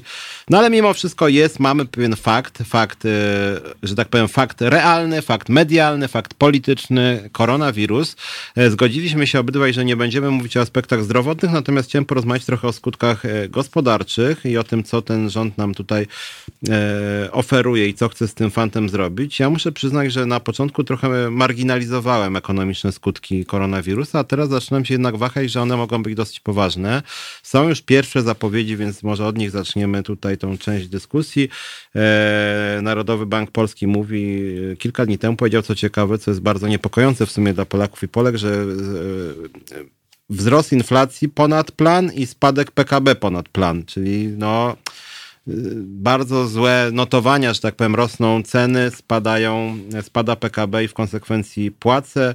E, mówi się o obniżeniu polskiego PKB o 0,5 do 1,3. mBank, o ile pamiętam, mówił właśnie o 1,3, że to już ma być tak... Znaczy, mówimy tutaj, żeby y, było klarowne dla naszych słuchaczy, o korekcie wzrostu tak, gospodarczego. Korekcie, że nie, spadek, spadek tylko że miało być koło 3, a może być na przykład 1,5, a 1,5% wzrostu PKB to już może być dosyć mało. To są niższe wpływy do budżetu, to jest być może konieczność cięć, to są spadek inwestycji, e, no i generalnie rzecz biorąc takie ogólne pytanie, czy, czy no jako społeczeństwo też mamy się czego bać tutaj? Czy może coś bardzo złego się dziać w naszym codziennym życiu, że nagle jakaś będzie, nie wiem, że jakiś efekt domina, że nie wiem, lawinowo zacznie rosnąć bezrobocie na przykład i zaczniemy tracić pracę, dochody, banki zaczną bankrutować. Czy coś takiego myślisz, że nam grozi? Yy, tak, powiem, powiem, y, panika nigdy nie jest dobrym doradcą, nigdy nie jest dobrym e, posunięciem, a ostrożność zawsze jest dobrym posunięciem, czyli zawsze dobrze jest odłożyć jakieś oszczędności, e, zawsze dobrze jest e, zastanowić się nad tym, że gdybym stracił pracę, to jakbym jej szukał i gdzie. To jest uniwersalna rada na, na, na każdy okres, czy to, czy to lat tłustych, czy lat chudych. Absolutnie nie jesteśmy w stanie przewidzieć tego, co się będzie działo. Nie, nie, nie, nie ma modelu, Y, który, znaczy nie ma też, nie ma też przypadku podobnej infekcji y, z wyjątkiem tych, które, tych, tych gryp ptasiej, SARS i różnych innych infekcji, które e, się przetoczyły, miały trochę podobny charakter, a ostatecznie w Europie nie miały większego wpływu e, na, na to, co się działo w gospodarce. Tutaj może być inaczej, może być tak, jak było z Hiszpanką, e, to już po I wojnie światowej, gdzie, gdzie można było wyczytać wręcz następstwo kryzysowe, tak, w, jako rezultat e, tego, że około 2% zdaje się populacji globalnie zmarło. Więc, więc absolutnie te dane, które mamy na, te, na, ten, na ten moment mówią, że ta śmiertelność jest oczywiście nieporównywalnie niższa niż w przypadku Hiszpanki, ale zagrożenie jest z innej strony. Zagrożenie płynie stąd, że w zakłóceniu ulegają globalne łańcuchy wartości. No bo w, jeżeli nic nie powstaje w, od początku do końca w jednym kraju, na przykład w Polsce, tylko e, jakaś część przyjeżdża z Tajwanu, a jakaś z Chin, a jakaś z Korei Południowej, a jeszcze coś, yy, obudowa na przykład z Niemiec albo ze Szwajcarii, bo tam jest centrum designu i tak dalej, i tak dalej. I to wszystko jest montowane w Polsce. No to de, facto wypadnięcie któregokolwiek z tych krajów z tego porządku łańcuchu dostaw powoduje, że ostatecznie produkt nie może powstać. U nas jako montowni Europy i call center Europy, że tak ironicznie zauważa. Więc to e, może się odbić na, na, na, na realiach e, polskiej gospodarki i na takim e, bardzo przyziemnym efekcie, czyli liczbie miejsc pracy. W, w tym momencie jednak nie, nie, niezwykle ciężko przewidzieć, co się, co się będzie działo. Jeżeli ten całe zamieszanie, które obserwujemy teraz, potrwa dwa tygodnie, może cztery tygodnie, a potem już będziemy mieli sygnały o tym, że, że widać już to, że Chyba już właściwie wszyscy przeszliśmy tego wirusa, bo większość chorych jest e, chorych bezobjawowo i nawet nie wie i rozprzestrzenia tego wirusa dalej, więc nawet nie wiemy, ile osób realnie e, jest zainfekowanych. I, e, i ten napór na służbę zdrowia, która teraz jest poddana szczególnej presji, co szczególnie nas powinno uwrażliwić na apele lekarzy, pielęgniarek o zwiększenie e, wydatków na polską służbę zdrowia. Jeżeli to się uda przetrwać, to w ostatecznym rozrachunku myślę, że niespecjalnie dostrzeżemy e, wzrost e, liczby osób zwolnionych z firm, które na przykład zbankrutowały albo musiały ograniczyć zatrudnienie ze względu na, na spadek zamówień. Natomiast jeżeli będzie jakiś najbardziej katastroficzny możliwy scenariusz, no to, ale najbardziej katastroficzny scenariusz to jest, że na końcu biegamy po ulicach z kijami i walczymy o ostatnią puszkę mielonki, więc y, czy jest sens się przygotowywać... brakuje. Czy jest sens przygotowywać się do scenariusza takiego y, ostatecznego Armagedonu? Nie wydaje mi się. Nie służy to ani naszemu samopoczuciu, ani temu, y, ani temu, te, temu nastrojowi, który się nakręca i, i, e, i, ta panika się wszystkim zaczyna udzielać i w efekcie brakuje niektórych produktów, w niektórych sklepach, też nie wszędzie, bo media... Papier toaletowy. Media lubią, media lubią robić zdjęcia, informować w, z pomocą tych zdjęć o tym, że gdzieś tam czegoś zabrakło. Ja na razie byłem w kilku sklepach i robiłem zakupy. Nie zauważyłem jakiegoś ani szczególnych Dobra. kolejek, ani masowych zakupów, więc nie, nie, nie, nie panikujmy, zachowujmy się zgodnie z rozsądkiem. Plus może być taki, że jeżeli nabierzemy pewnych zwyczajów, tak jak częste mycie rąk, e, pewna odpowiedzialność, że jestem chory, nie idę do pracy, nie biorę udziału w zgromadzeniach, nie idę na msze, e, to, e, to wyjdzie nam to wszystkim ostatecznie na plus i na zdrowie. Ale poza tym aspektem psychologicznym, tak jak nawet śledzę, no, dzisiaj, wczoraj, przedwczoraj, coraz więcej branż jednak zaczyna się chwiać, bo z jednej strony powiedziałeś, co do, dotknięć, do, może dotknąć też duże firmy, czyli te łańcuchy dostaw, tak, mhm. i mogą być przerwane, przez co może być no, jakieś utrata płynności przez część firm i to może być niebezpieczne. Ale mam też na myśli no, coś takiego, że może upaść sporo małych firm. To znaczy, no, mam na myśli tutaj, nie wiem, no, no przykład, który ja sam znam osobiście. No, teraz jest dużo konferencji odwoływanych. Część zamawia catering, tak? Mhm. Y, część... Branża nie... eventowa i turystyczna jak najbardziej tak, Może to być boleśnie. problem. Może... I y, tylko właśnie wszystko będzie zależało od tego, jak długo to potrwa. Bo jeżeli mhm. to potrwa miesiąc, to myślę, że z wyjątkiem najsłabszych film, które były, już, już e, wchodziły w ten okres e, e, tej, tej paniki wirusowej w nie najlepszej kondycji, mogą tego nie przetrwać.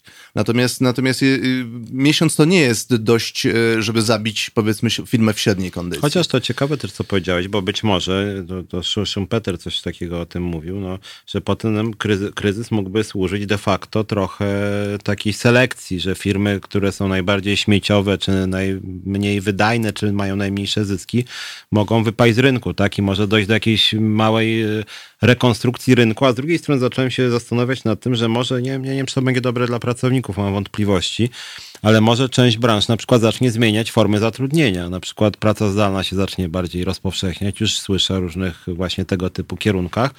Polski kodeks pracy jest tak nie do końca przygotowany na tego typu to prawda. formy. I to tu... prawda, to prawda. To eksperci zarówno od strony y, reprezentujący pracowników, jak i pracodawców od dawna sygnalizują, że, że dobrze by było e, mm, przedyskutować to, jak uregulować kwestię pracy, pracy zdalnej w ten sposób, żeby i pracodawca, i pracownik zachowywali e, pewien rodzaj bezpieczeństwa, tak, e, jeśli chodzi o własne interesy.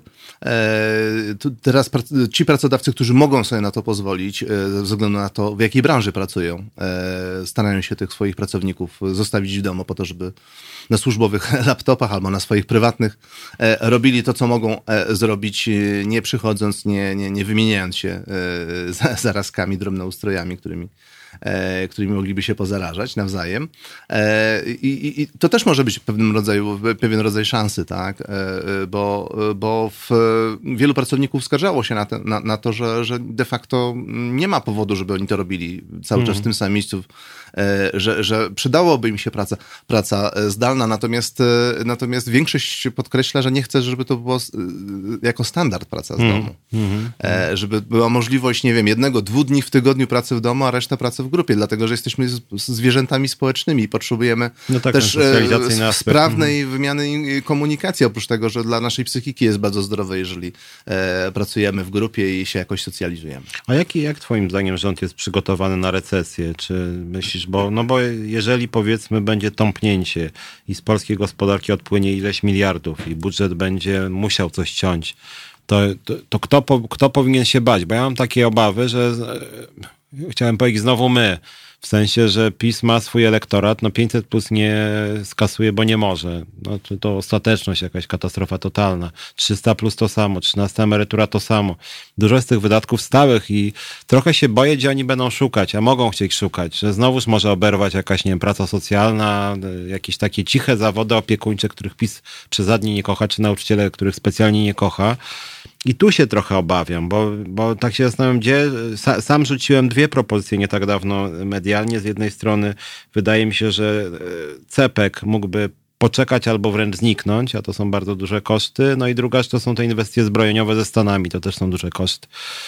No ale też obawiam się, że oni z tego nie, nie, nie zrezygnują. No sami sobie trochę ponakładali sporo takich ograniczeń, tworząc pewną narrację wokół tych różnych wydatków i, i bardzo łatwo będzie atakować ich w związku z tym, e, jeżeli wycofają się z różnego rodzaju właśnie tych zobowiązań, które podjęli. E, niemniej, niemniej jakby ja myślę, że recesji się raczej bym nie spodziewał, natomiast spowolnienie gospodarcze to już wystarczająca, e, wystarczający problem, dlatego że nie, nie sprawdzają się prognozy, które są zawarte w ustawie budżetowej, w związku z tym nie zepnie się ten budżet, bo nie będzie dość wpływów, w związku z tym ja myślę, że najprostszym rozwiązaniem jest zwiększenie zadłużenia. Bardzo łatwo to obronić, bo po pierwsze jest to kompletnie abstrakcyjne dla Polaków, no tak, tak. E, więc nikt nie będzie protestował, o za dużo się e, zadłużamy. To jest raczej domena pracodawców, oni się głównie o to martwią. Centrum Adama Smitha i, i, i neoliberałowie zawsze, zawsze biją na alarm, że cały czas się zadłużamy i przyszłe pokolenia tego nigdy nie spłacą. E, e sen, sen, sen, sen e, snus powiek Amerykanom to na przykład nie spędza. E, że są zadłużeni na ponad 100% PKB. E, no ale zostawmy ten, e, ten wątek. W, to argument za tym, że, że, że mogliby się zadłużyć jest też taki, że mogą się zawsze chwalić tym budżetem, który był dopięty, tak, bez, bez mm, dodatkowego mm. zadłużenia, bez, bez deficytu. W związku z tym, że, że likwidacja OFE przysporzyła dodatkowych środków budżetowych i, i można machać to jak, jak, jak właśnie taką, czy użyć tego jako taką tarczę, że zobaczcie, tu nam się udało, no teraz jest trudniej, trudno, żeby od nas wymagać, że, e, że się teraz nie dopiliśmy, kiedy jest e, spowolnienie gospodarcze. Jak było spowolnienie, to platforma też się zadłużała. Mm. Więc no myślę, tak, że tak. nie będą cieli niczego, niczego, co by im utrudniło szansę, czy zmniejszyło szanse w kolejnych wyborach. Zarówno prezydenckich, jak i tych przyszłych za 4 lata parlamentarnych. Chociaż ciekawe, skąd właśnie tu przeczytałem, że Światowa Organizacja Zdrowia ogłosiła pandemię koronawirusa. E, ja mówiłem, że nie wiem, nie znam się od strony medycznej, natomiast myślę, że efekt tego typu oświadczeń WHO może być e, jakby podkręcać jeszcze no, te zjawiska negatywne ekonomiczne, więc tu no myślę, że trochę jednak polski rząd ma się czego bać. E, krótka przerwa na piosenkę Crowded House chyba teraz i za chwileczkę wracamy, będziemy dalej mówić o tym, czego się mamy naprawdę bać i co może zrobić rząd, żeby państwo aż tak bardzo boleśnie tej pandemii nie znosili.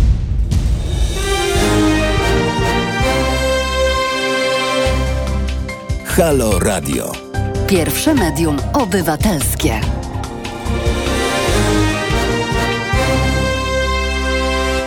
Piotr Lewicz, Halo Radio. Rozmawiamy o skutkach koronawirusa na polską gospodarkę, politykę społeczną, na to, co może nas czekać, czy mamy się czego bać jako obywatele, obywatelki. Jest ze mną Łukasz Komuda, właśnie na ten temat rozmawiamy. E, wybuchła taka dyskusja po tym, jak rząd zaczął przedstawiać różne propozycje właśnie e, tutaj zmian e, właśnie tej ustawy takiej antykryzysowej, nazwijmy to.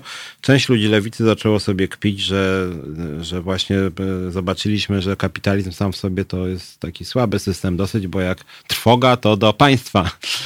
No i rzeczywiście trochę tak jest, chociaż ja bym tutaj był trochę sceptyczny z tym lewicowym entuzjazmem, bo są prawicowe i lewicowe metody walki z kryzysami i prawica pisowska nigdy nie kwestionowała roli państwa, podobnie jak i prawica, nie no nie chcę za daleko iść, no Franco, ale też, nie wiem, yy, yy, włoska prawica, współczesna, hiszpańska, niemiecka, no w Niemczech to w ogóle partia chadecka od zawsze miała bardzo dużą rolę, jak chodzi o rolę państwa.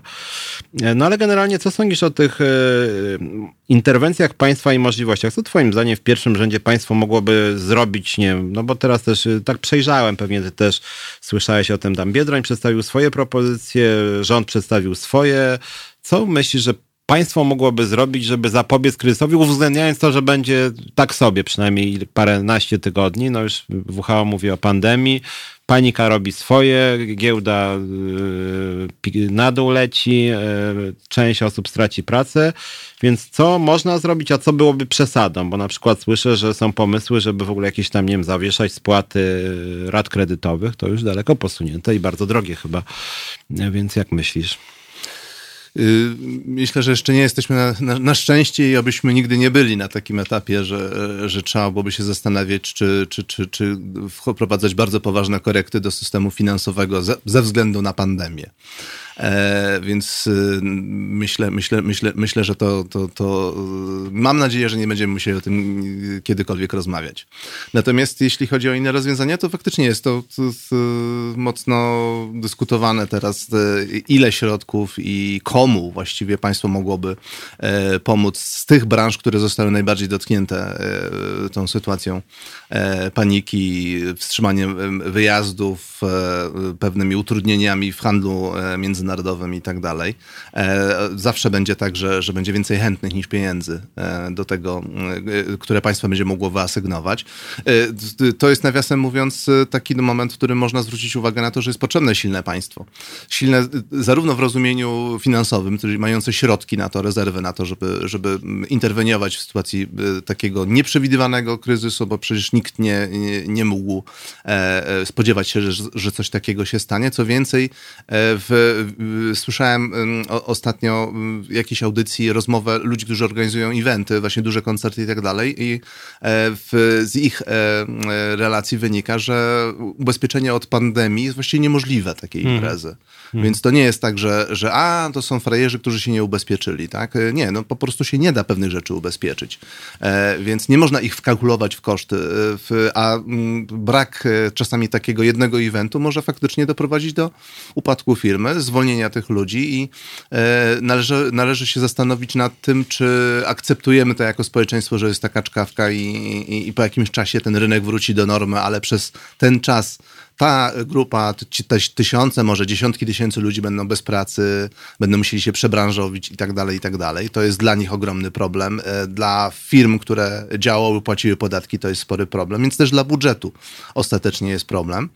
E, czy i, i, i, jeżeli, jeżeli decydujemy się na interwencję, to, to właśnie w jakim zakresie, do jakiej sumy i jak długo ma ona trwać? E, więc, więc ja tutaj nie mam prostej recepty. Jakby to jest, to jest cały czas pole do, do, do dyskusji. E, natomiast no, pociecha, znaczy jedyna, taka satysfakcja, jaką z tego, z tego czerpię, to jest to, że, że, że jakby nagle wróciliśmy do tego, że, że państwo jest potrzebne. Hmm. Że państwo zero, państwo, które tylko pilnuje, żeby, żeby się ludzie nie strzelali na ulicach, to jest absolutnie niewystarczające we współczesnym świecie, bo to nie jest pierwsza, nie jest ostatnia pandemia. Co więcej, zakłóceń w takim globalnym, e, e w globalnej gospodarce, które będą miały absolutne przełożenie na to, co się dzieje na polskim rynku pracy, będziemy obserwować coraz więcej i więcej, a nie coraz mniej.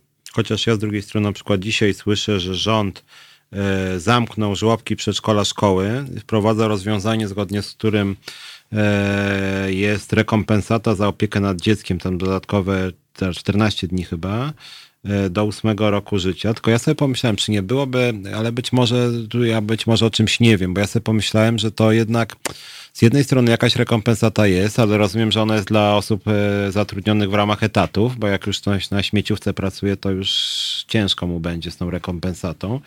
E, to jest raz. A dwa, tak sobie pomyślałem, że chyba lepszym rozwiązaniem dla rynku pracy, dla opieki, e, dla ciągłości rynku pracy byłoby jednak to, żeby no, to, co tu sugerowałem wcześniej w tej pierwszej części, mianowicie mówiłem, dlaczego Polacy mają tak mało tych testów. Czy nie byłoby lepiej, gdyby po prostu przed przedszkolem ktoś robił testy seryjnie i wtedy spokojnie te dzieci by tam były, bo wynik jest od razu, nawet jak ktoś jest nosicielem, wyszłoby. E, więc tu mam jednak wątpliwość. Nie znam się na testach. Nie, nie, ja te, nie, nie wiedziałem, ja, że, nie wiedziałem, że testy są już teraz natychmiastowe. Tak, tak. Są na, po, mm. Do pół godziny jest wynik. Wcześniej kupili 100, 100 tysięcy takich testów. Polacy 5 godzin nie czekaj i zrobili 2000.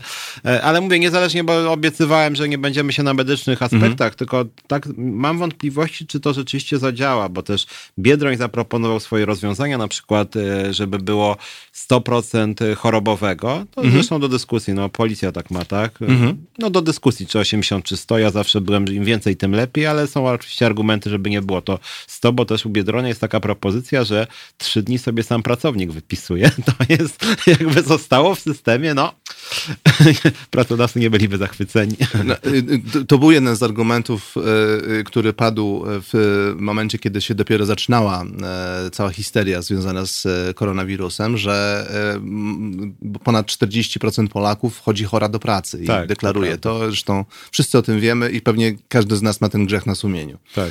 E, I ja przy tej okazji zacząłem sprawdzać, jak to wygląda w innych krajach. Okazuje się, że absolutnie jest to powszechne. E, co więcej, im luźniejszy rynek, jeśli chodzi o regulacje i pozycję pracownika, tym ten odsetek jest większy. W Wielkiej Brytanii 70 chyba, czy 80% pracowników sygnalizuje, że chodzi chora do pracy.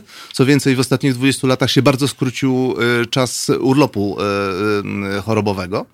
E, e, więc to świadczy o tym, że starają się wracać tak szybko, jak się da, a raczej nie, a raczej nie to, że służba zdrowia e, uzdrawia ich dwa razy szybciej niż do tej pory. W Stanach Zjednoczonych 90% ludzi chorych chodzi do pracy. No tak. W związku z tym to jakby to, tu, tu widać, że po prostu ten, ten, cały system, w którym, w którym jakby w, z jednej strony pracodawca naciska, z drugiej strony pracownik faktycznie jest niezastąpiony. Faktycznie jest wiele osób w różnych organizacjach i firmach, które nie, mo nie, nie mogą przekazać swoich obowiązków. Tu ci przerwę w kontekście koronawirusa, mówiąc mm. brutalnie, jesteśmy przyzwyczajeni do zarażania innych ludzi i tak. nie mamy z tym problemu. Tak, tak, to prawda, to prawda. Nie jest to, ele- znaczy nie jest to coś, co powoduje odium e, społeczne. Ja y, cieszę się tym, że pracuję w, w, organizacji, gdzie, gdzie dość wyraźnie jest polityka e, fundacji, że, że jeżeli ktoś widać, że nie, nie, nie, nie wygląda za, na, na zdrowego, to, to jest wręcz wysyłany fora ze dwora, idź do domu, pracuj w domu, jeżeli się nadajesz do pracy, jeżeli nie, to weź chorobowe i, i po prostu dojść do siebie, bo inaczej za chwilę wszyscy będziemy tu flikać nosami i to wcale nie poprawi. I stracą, generalnie straci firma. Ostatecznie straci organizacja, straci firma, tak. E, niestety nie jest to filozofia, która jest powszechnie przyjęta. E, być może to jest też okazja do tego, żeby to wszystko przemyśleć, bo teraz będzie można zobaczyć, jakie są rezultaty tego właśnie takiego masowego chorowania. Mieliśmy kilka tematów na dzisiaj, skupiliśmy się trochę na bieżąco, ale jednak wrzucę może jeden z tych, o którym mówiliśmy, mieliśmy mówić, przepraszam, mianowicie e, rozmawialiśmy o takim raporcie płacowym GUS-u o strukturze wynagrodzeń. Pytanie jest tak na marginesie, jak się to zmieni i za parę miesięcy coś tutaj wybuchnie nowego. To był raport, który był na bardzo tam, tam dużej próbie jak na GUS. Chodziło o październik 2018.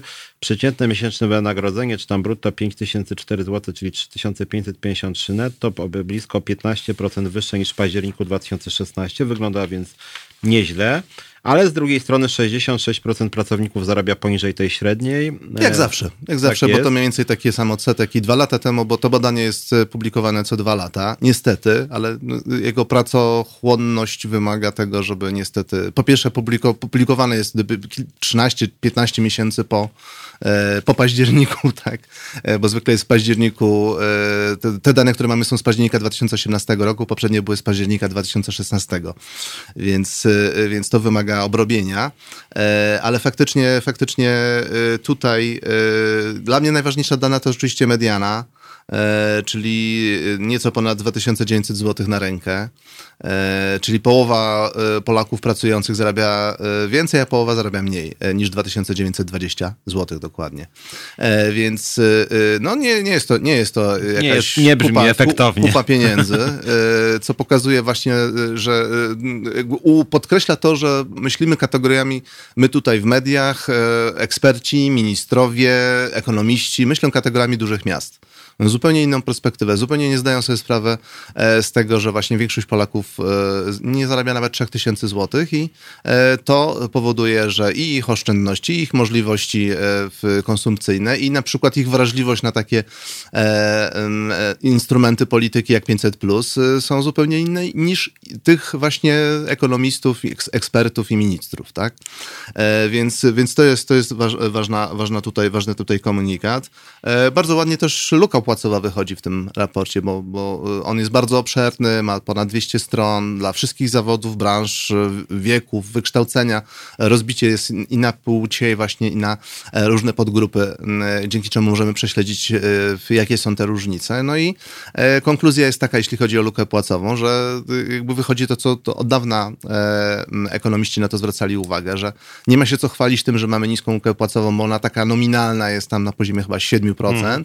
E, czyli taka jest różnica, jak weźmiemy y, średnie wynagrodzenie kobiet i mężczyzn i porównamy.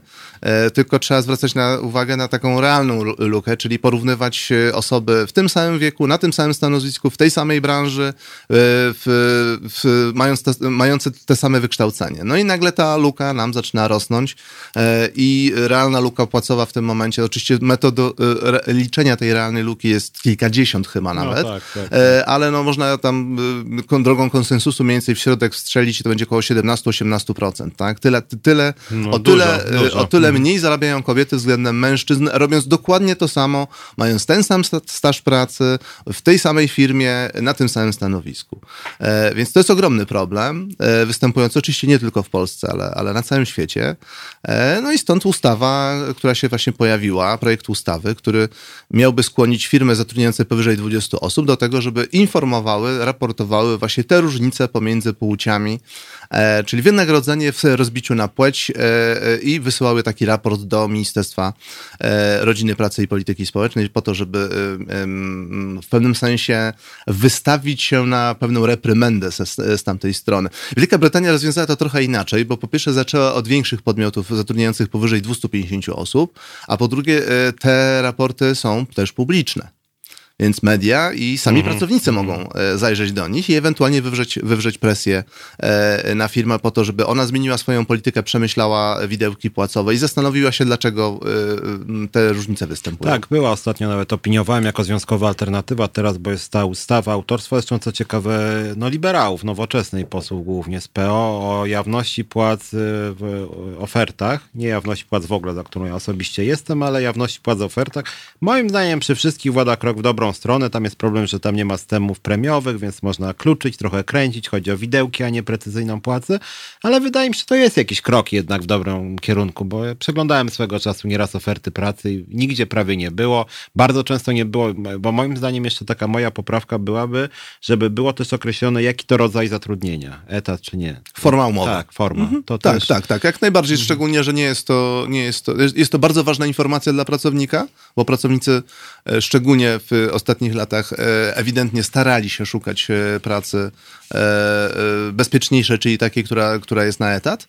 W, w, I znaczy tak, powiem tak, jestem zdecydowanym zwolennikiem jawności płac. Uważam, że to by posłużyło wszystkim całej gospodarce, również pracodawcom. Dlatego, że dobrze płacący, uczciwi pracodawcy absolutnie nie mają się czego wstydzić. E, Problem będą mieli ci, którzy, którzy starają się, że tak powiem, wkręcić trochę pracownika e, i, i e, doprowadzić do takiej sytuacji, że on będzie utknie u nich i, i, i licząc na jakieś obiecanki, cacanki, jeżeli będzie wiedział doskonale, że u konkurencji już na starcie zarobi, załóżmy, e, 5% czy 10% więcej, będzie miał bardzo silny instrument do tego, żeby negocjować wyższe I wynagrodzenie. część polityków też będzie kręciła. E, tak, tak. Wiele, wiele instytucji, wiele instytucji też pewnie byśmy się chętnie zorientowali, ile, ile będą zarabiać. Politycy, ich Specjalna ustawa powstała o jawności płac w NBP, a tymczasem, e, a tymczasem powinny być tak naprawdę wszystkie duże podmioty gospodarcze, e, prywatne i publiczne powinny informować dość klarownie na temat tych widełek. Także ja absolutnie popieram tą ustawę. Też e, oczywiście mógłbym się czepiać różnych szczegółów, ale to jest krok we właściwą stronę. Zacznijmy od widełek, zobaczmy jak to się przyjmie. Według agencji zatrudnienia Hayes e, 16 albo 18% ogłoszeń o pracę zawiera jakąkolwiek informację o wynagrodzeniu. Bardzo Jakby to mało. pokazuje... Musimy, musimy problemu. kończyć. Ja też jestem za jawnością płac. Zaczęliśmy bardzo pesymistycznie, skończyło się takim naszym wspólnym apelem. Więcej jawności służy nam wszystkim. Bardzo Państwu dziękuję. Słyszymy się za tydzień.